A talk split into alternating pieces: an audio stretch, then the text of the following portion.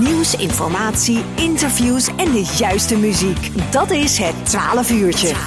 Elke zondagmiddag tussen 12 en 2 bij LOM Radio met Tom Rijmakers en Corné Kremers.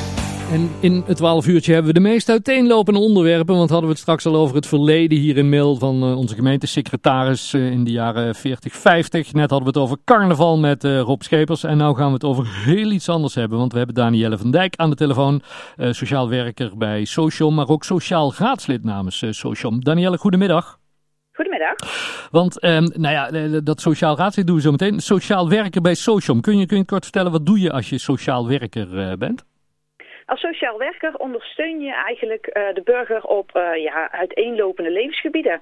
Dat kan zijn uh, emotioneel, financieel, ja, noem maar hm. op. Eigenlijk met, met heel veel levensgebeurtenissen, live events zoals we het wel noemen, ondersteunen wij burgers. Ja, en en, en hoe, hoe ben je ooit op het idee gekomen om te zeggen van dat, zo, dat, dat lijkt mij wel wat om, om te gaan doen als beroep, dat sociaal werken? Nou, ik denk dat het hulpverlenersvak dat dat, eh, dat dat in je moet zitten of niet in je moet zitten. Mhm. En uh, ik wist al op vrij jonge leeftijd dat ik graag uh, andere mensen wilde helpen met, uh, met, met, met financiële kennis. Mm En ja, zodoende ben ik nu ongeveer een maand, acht, negen geleden bij Socium terechtgekomen. En in de functie als sociaal raadslid gaan werken. Ja, en, en, en dat doe je dan in het hele land van Kuik?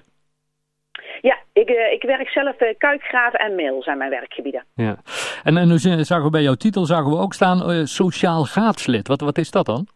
Ja, een sociaal raadslid uh, is eigenlijk iemand die ondersteunt op uh, sociaal, juridische en, en ook financiële vraagstukken. Mm Dus op het moment dat iemand bijvoorbeeld uh, gaat scheiden, dan komt er nogal wat bij kijken. Of een jongere die 18 wordt. En dat zijn allemaal ja, belangrijke live events waarbij um, ja, sociale zaken, financiële zaken en juridische zaken enorm veranderen. Hm. En dan heeft iemand vaak hulp nodig van een sociaal raadslid. En dan kan die bij ons terecht en dan krijgt hij hulp en ondersteuning op financieel, juridisch en sociaal gebied. Oké, want wat, wat, wat we onlangs ook zagen, een artikel vanuit de gemeente, dat er ook, ook, best veel mensen zijn die ja, in, in, in de schulden komen, sowieso in deze, deze lastige tijd. En in het verleden was het altijd zo dat mensen dan achteraf pas ehm, zeg maar hulp kregen, maar nu is er ook een soort signaleringsfunctie, hè?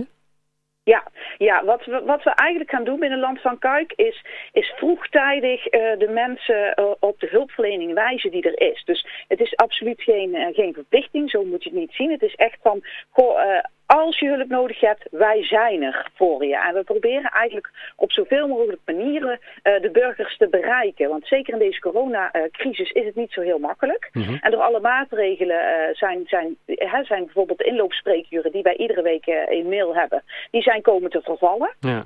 dus het is eigenlijk alleen op afspraak. En daardoor merk je toch dat, ja, dat de drempel iets hoger wordt voor mensen. En wij hopen eigenlijk toch dat die mensen zich met die financiële problemen toch blijven melden. Ja. En ons toch weten te vinden om te voorkomen dat het erger wordt. En ook, ja, we kunnen er gewoon, als, het, als, als de problemen nog niet zo groot zijn, kunnen we er heel makkelijk een goede oplossing voor vinden. Ja, en, en, kun je wat, wat, wat noemen, welke hulp of, of wat voor soort oplossingen denk je dan aan? Stel dat er nu mensen zitten luisteren en zeggen van, ja, god Tom, uh, ik wel lastig, want uh, ja, er, er komt minder geld binnen en de huur loopt gewoon door en, en alle andere kosten lopen gewoon door. Wat, wat voor soort adviezen zijn er dan die jullie kunnen geven? Nou ja, wat we eerst, uh, allereerst gaan kijken is, is het inkomen op peil. Hè? Zijn de toeslagen op peil? Krijgt iemand waar die recht op heeft? Want er zijn best wel veel voorzieningen voor minima, waar de gemiddelde burger misschien helemaal geen weten van heeft, en wij wel. Hm. Dus wij kunnen de burger dan ook daarop wijzen en wij kunnen dat ook samen met hem of haar aanvragen. Okay. En daarnaast gaan we een budgetplan maken, dus dan gaan we kijken wat komt erin, wat gaan, gaat eruit. Kunnen we daar nog iets mee? Is er bijvoorbeeld ergens nog wat korting te regelen of zo? Oh ja. Vaste lasten. Ja. Uh, en daarnaast gaan we kijken van, goh, welke achterstanden zijn er en welke regelingen kunnen we treffen met, uh, met de schuldeisers om te zorgen dat iemand zo snel mogelijk uit die financiële ellende is. Ja, jullie, jullie doen eigenlijk een beetje, ik noem maar even als voorbeeld wat je op tv ook ziet bij, bij ondernemers en zo die, die in de problemen zitten, dat jullie echt even mee gaan kijken met, uh, in, in de boekhouding. Uh, van zijn al die abonnementen wel nodig en is dat wel nodig en kan dit misschien anders?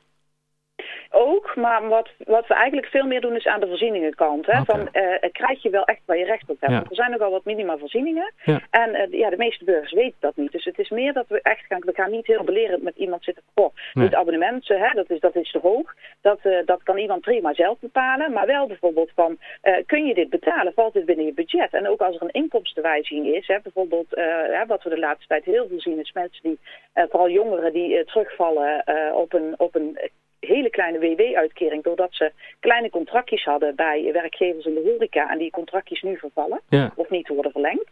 Um, ja, dan ga je toch heel kritisch naar je uitgaven kijken. En ook naar je inkomsten natuurlijk. Ja. ja, en dan is het altijd goed als even iemand met, met ja, een beetje neutraal en die er een beetje buiten staat om, om gewoon eens even uh, ja, te, te adviseren en samen mee te kijken.